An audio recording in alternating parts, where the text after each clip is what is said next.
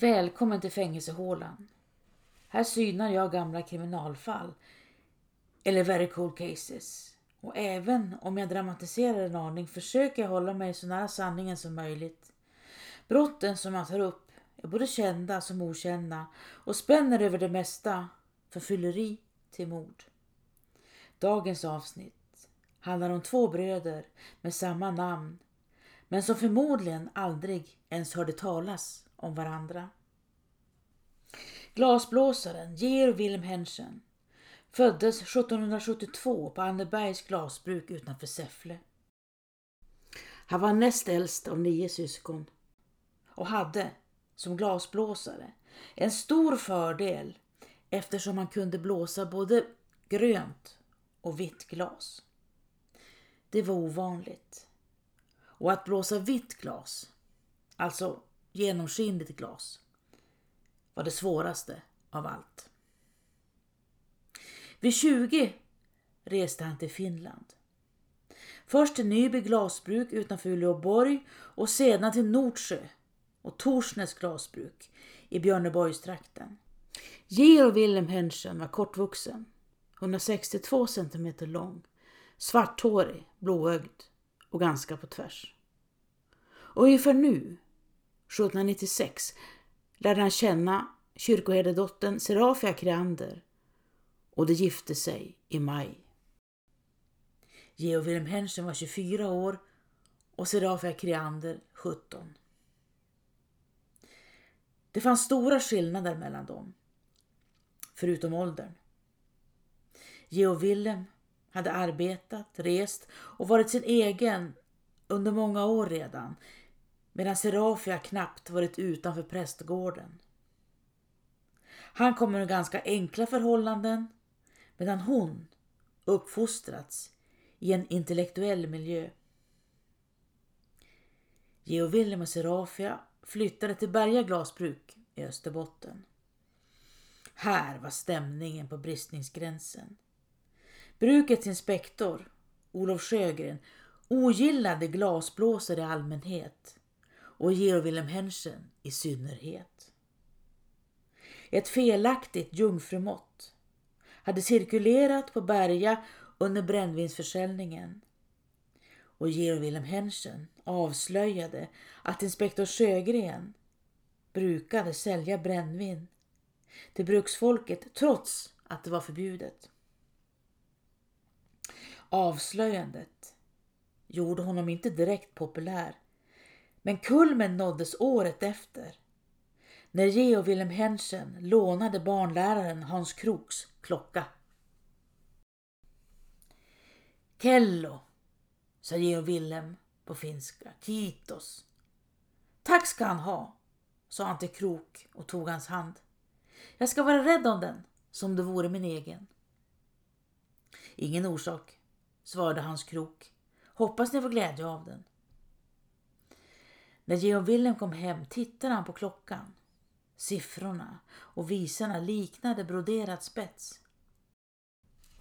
Uret var klotrunt och om man putsade silvret kunde säkert klockan mäta sig med vilket herrskapsur som helst, tänkte han. Georg Wilhelm och Serafia skulle besöka Serafias syster som var gift med en kyrkoherde och Georg Wilhelm gruvade sig. Han kände sig simpel och underlägsen sin svåger och klockan som han lånat var ett sätt att försöka kompensera sin enkla existens. Han och Serafia stannade en knapp vecka hos Serafias syster. Och Georg Wilhelm höll fram klockan mest hela tiden tyckte han. Men kyrkoherden hade en ännu större klocka och sa ingenting om Georg Wilhelms ur. Efter hemkomsten vägrade Georg Wilhelm Henschen lämna tillbaka klockan till barnlärare Krok. Det var ingenting som han hade planerat. Men efter resan var det som att uret vuxit fast i hans hand. Hur han än försökte gå till Hans Krok med klockan kom han sig inte iväg. Imorgon, tänkte han, då ska jag gå. Och dag lades till dag. Hans Krok stämde till sist Georg Wilhelm Henschen inför tinget och han dömdes att böta 17 riksdaler. Efteråt var Georg Wilhelm lättad. På sätt och vis hade han köpt klockan av barnlärare Krok nu, fast på ett annorlunda sätt. Georg Wilhelm och Serafia lämnade Berga och reste norrut till Sandersunds glasbruk utanför Kalix. Och den 20 augusti 1802 föddes sonen Dominicus. Eftermiddagssolen lyste in genom fönstret och den lille på Serafias bröst sov med slutna ögon. Om vintern varit lång kände sommarens nätter ännu längre. Barnet sov, omedveten om sin egen värnlöshet och Serafia betraktade fjunen på hans huvud och viskade Vart ska du gå min lille vän? Georg hade bestämt namnet. Dominicus skulle pojken heta. Serafia protesterade inte, men hon tyckte inte om det. Dominicus, viskade hon, stackars barn, ett sånt namn. 1805 var familjen tillbaka i Finland igen. På Ingerids glasbruk utanför Åbo. Men sommaren efter bröt Georg Wilhelm Henschen upp och återvände till Sverige. Jag reser, säger Georg Wilhelm till Serafia. Du har dina syskon och din mor här. Fröknar bör vara blyga eller framfusiga, men i begynnelsen var de stöpta i samma glasform och med tiden mejsla sig ner till kärringar. Som Serafia, tänkte han. Hon klemade med barnen och Dominicus satt i hennes knä mest hela tiden. Jag reser, upprepade han. Ja, res du, svarade Serafia. Jag reser så fort jag kan, sa han igen. Jag gör så, svarade Serafia. Serafia och barnen flyttade hem till Serafias bror, kyrkoherden Thomas Kreander. Hon hade någonstans att ta vägen. Och sen kom kriget. 1809 arbetade Georg Wilhelm Henschen på Kasmirisborgs glasbruk utanför Västervik. Förmodligen var det här som han träffade Fredrika Ditzler. Maria Elisabeth Fredrika Ditzler var glasblåsardotter och 13 år yngre än han. Hon var född på Kasmerisborgs glasbruk men hade rest runt med sin familj. Föräldrarna Johan Josef Ditzler och Gertrud Bertsling och sina syskon mellan olika glasbruk under många år. Precis som glasbrukarfamiljer brukade göra. Nu var hon tillbaka på egen hand och arbetade som piga. Georg Wilhelm och Fredrika var uppvuxna under likartade omständigheter och den 9 juli 1810 födde Fredrika ett barn. Den lille var fortfarande skrynklig när han fick sitt namn. Dominicus hade hans far beslutat. Dominicus låg i korgen på golvet medan flugorna stångades mot fönsterrutan. Fredrika betraktade den fjuniga gässan. En liten fot stack ut under filten och de små tårna rörde sig en smula. Dominicus sov, omedveten om sin egen värnlöshet och Fredrika behövde inte stiga upp ännu på ett tag. Du och jag min Dominicus, viskade hon. Året efter gifte de sig. Även om Georg Wilhelm Henschen fortfarande var gift med Serafia i Finland. Kasmerisborgs glasbruk var på väg att läggas ner och många av glasblåsarna reste till Rejmyre utanför Finspång. Här arbetade Georg Henschen i tre år innan han blev avskedad. Familjen reste vidare till Cedersbergs glasbruk utanför Norrköping, sedan till Skönsviks glasbruk norr om Sundsvall och slutligen slog de sig ner på Sandö glasbruk utanför Härnösand 1818. Samma år kom Fredrikas far på besök. Glasblåsaren Johan Josef Ditzler som nu arbetade på Strömbäcks glasbruk utanför Umeå. Georg Willem beklagade sig över sin äldste son, Dominicus, som han inte fick bli på. Pojken är klumpig. Han hoppar upp och ner från stolar så att det går sönder. Han ljuger och skäl och jag har ingen hand med honom. Josef Ditzler svarade. Om pojken kommer hem till mig ska jag göra allt jag förmår för att vägleda honom och fostra honom. Och jag har ju lyckats riktigt bra med mina egna barn, inte sant? Männen kom överens om att Dominique skulle resa till Strömbäck och uppfostras av morföräldrarna. Dominikus Hensen var åtta år när han lämnade Sandö och reste till Strömbäcks glasbruk 20 mil norrut strax före midsommar 1819. Hästarna stannade och Dominikus tog sats. Han hoppade rakt ut i luften och hamnade bland blommorna i diket. Slå inte ihjäl dig pojke, ropade Josef D som klivit ut på gården för att möta honom. Bryt inte av dig armar och ben det första du gör. Efter några veckor upptäckte mormor Gertrud en glasbit i Dominikus säng. Hon skulle släta till bolstret när hon plötsligt kände någonting vasst intryckt mot kanten. Gertrud skar sig nästan när hon lyfte upp glasbiten. Hon höll den i sin hand. Den glänste till i solljuset och kastade en kaskad av färger över bordet. Gertrud stirrade. Så vacker. Men hur hade glasbiten hamnat i pojkens säng? Hans knyte hade nästan varit tomt när han kom från Sandö, men glasbiten kunde ha legat i hans ficka som en bit av hemmet eller som en gåva från hans far. Hon placerade glasbiten på skänken men varje gång hon gick förbi påmindes hon om sin fråga. Hur hade glasbiten hamnat i pojkens säng? Dominikus kom hem från bruket vid kvällningen och hon frågade honom. Var kommer den här ifrån? Gertrud sträckte fram glasbiten och Dominikus stirrade. Från Sandö, svarade han snabbt. Du ljuger, sa mormor Gertrud och började darra. Den är från kylugnen, inte sant? Dominikus skakade på huvudet. Du ljuger, sa mormor Gertrud och smällde till honom med handflatan. Man får inte stjäla, fortsatte hon och slog till honom över andra kinden också. Man får inte ta någonting, inte ens en knapp eller en pinne. Dominikus blängde tomt tillbaka. Hans själ måste ligga i dvala och ögonens djup avslöjade ingenting. Veckorna gick.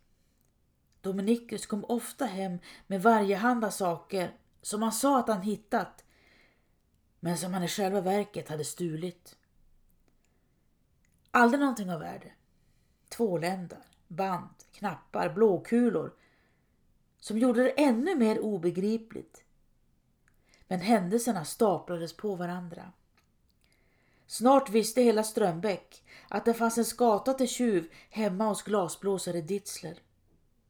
Väggarna öppnade sina öron och sög in hur morfar Ditzler ropade åt pojken Tjuv! Förbannade tjuv din lögnare!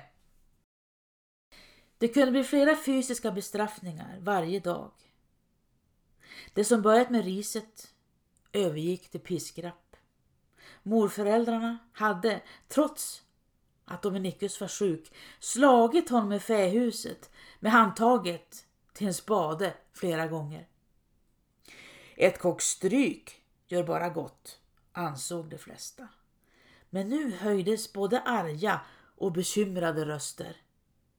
Men gå inte så hårt åt pojken, Ditzler. Skicka tillbaka honom till Sandö. Mormor Gertrud visste besked. Vi har lovat att få pli på honom. Han kan inte ens gå förbi nästa by utan att stjäla någonting och snart är han 14 år och då tar länsman honom. Det var som att Dominikus inte kunde låta bli att norpa åt sig saker trots att han nästan blev halvt ihjälslagen varje dag. Mitt i vintern skickade mormor Gertrud iväg Dominicus i ett ärende till en soldat i Obbola, någon mil bort, och han gick fram och tillbaka över isen, delvis i mörker.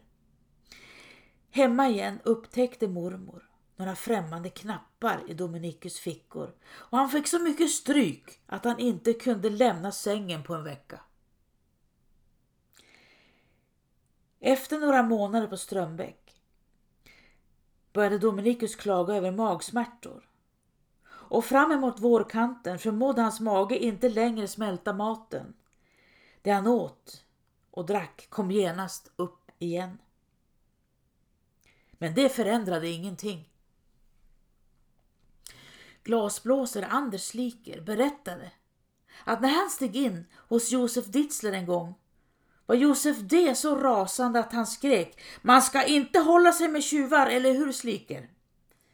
Ditzler kommenderade Dominicus att klä av sig och sedan gick han åt barnet med mattpiskan trots att Sliker fanns i rummet.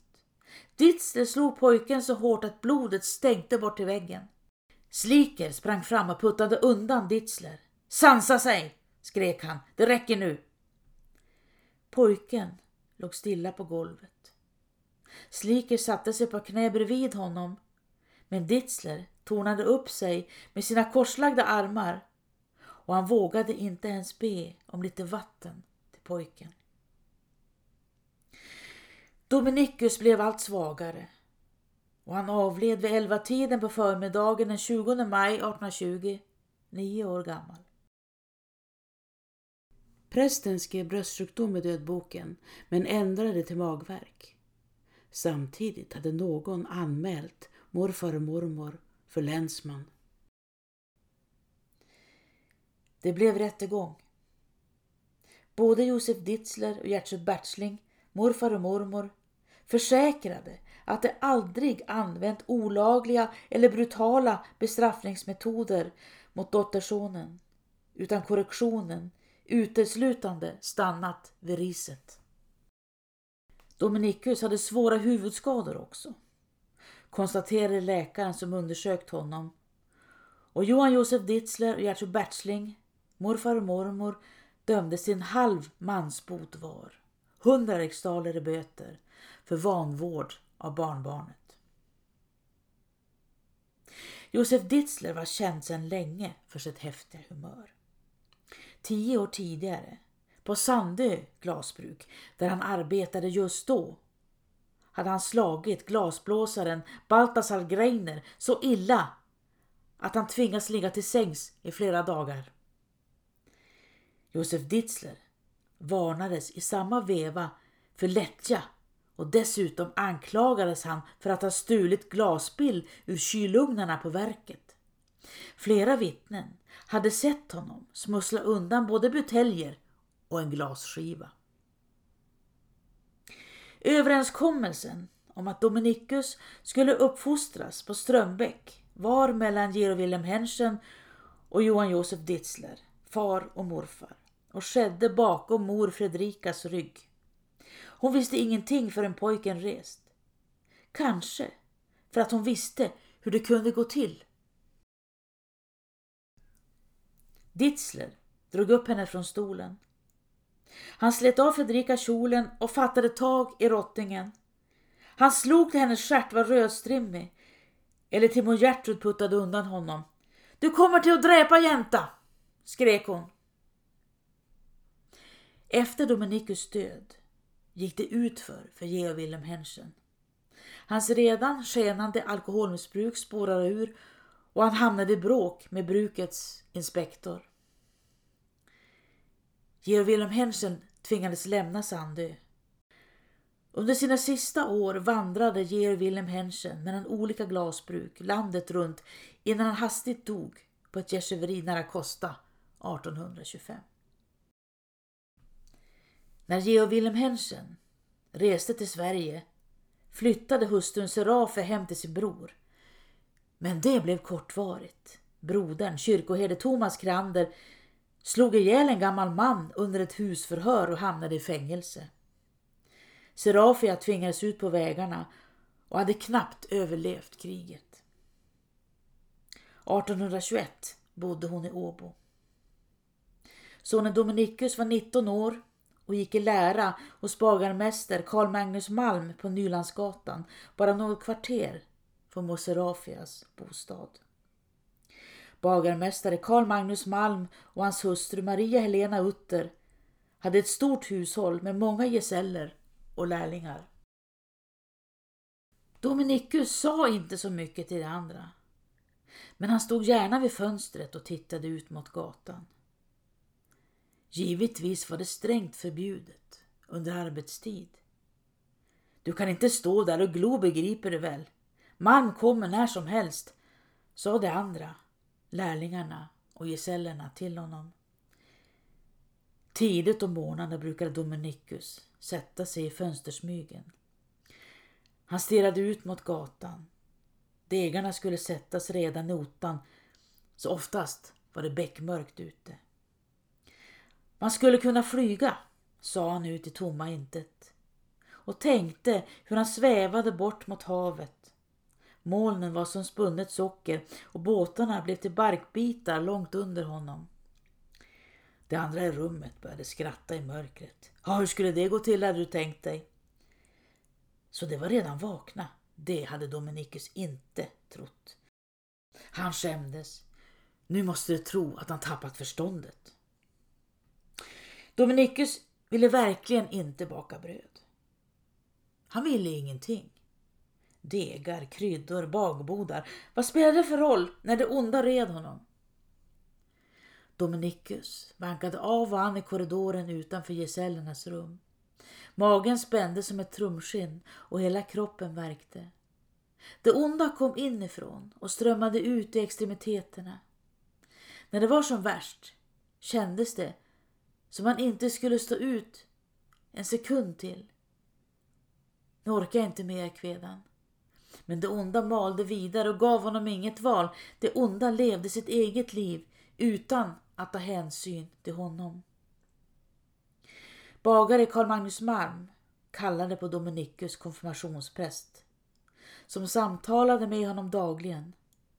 Men trots det mådde Dominikus allt sämre. En dag i september gick han hem till Moserafia redan vid halv sju-tiden på morgonen och stannade i en halvtimme innan han gick ut på bron. Morgonen var klar och kylig. Det skulle bli en gyllengul dag.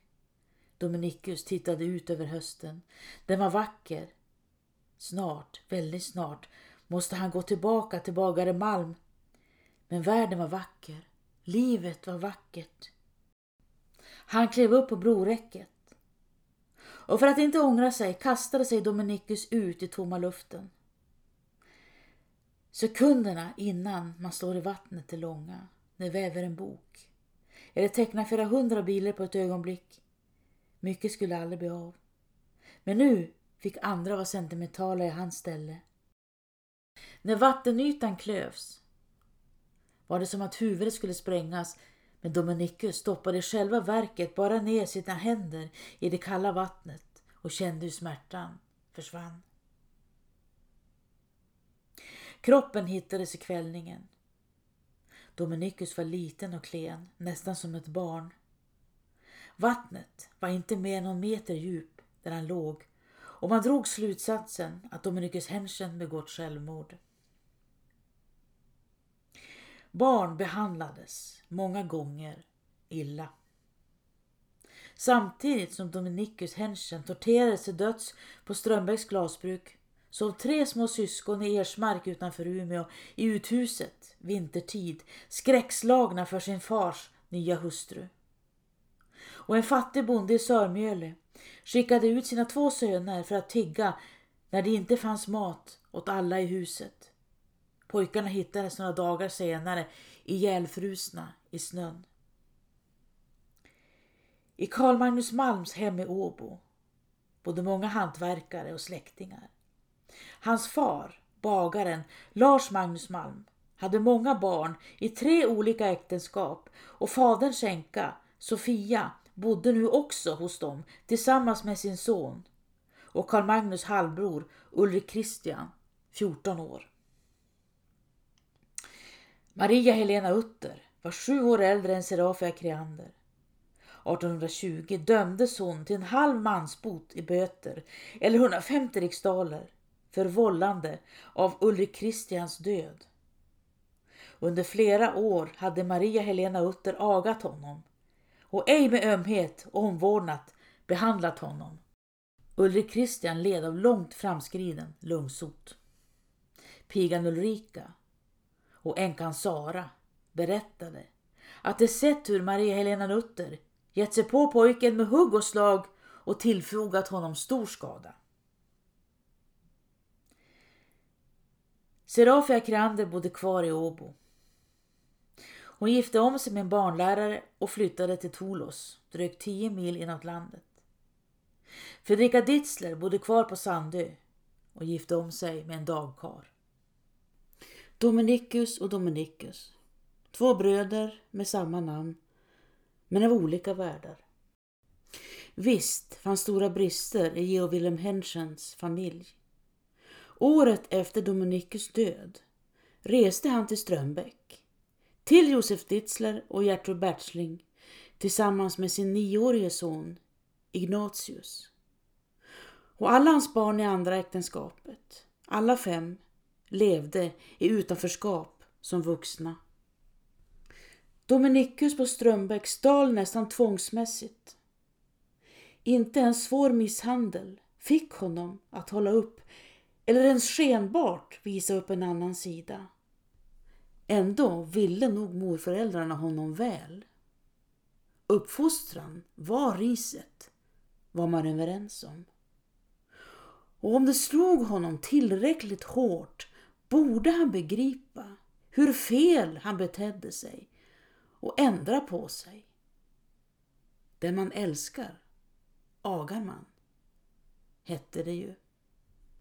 Det fanns ingen barnkonvention. Och många barn blev slagna utan att någon lyfte ett finger. Dominicus i Åbo hade drabbats av en ihållande ångest som han till sist inte orkade med. Pastorn försökte hjälpa honom. Bagare Malm försökte hjälpa honom och säkert också Serafia. Dominicus och Dominicus. Två bröder som nog inte ens kände till varandras existens.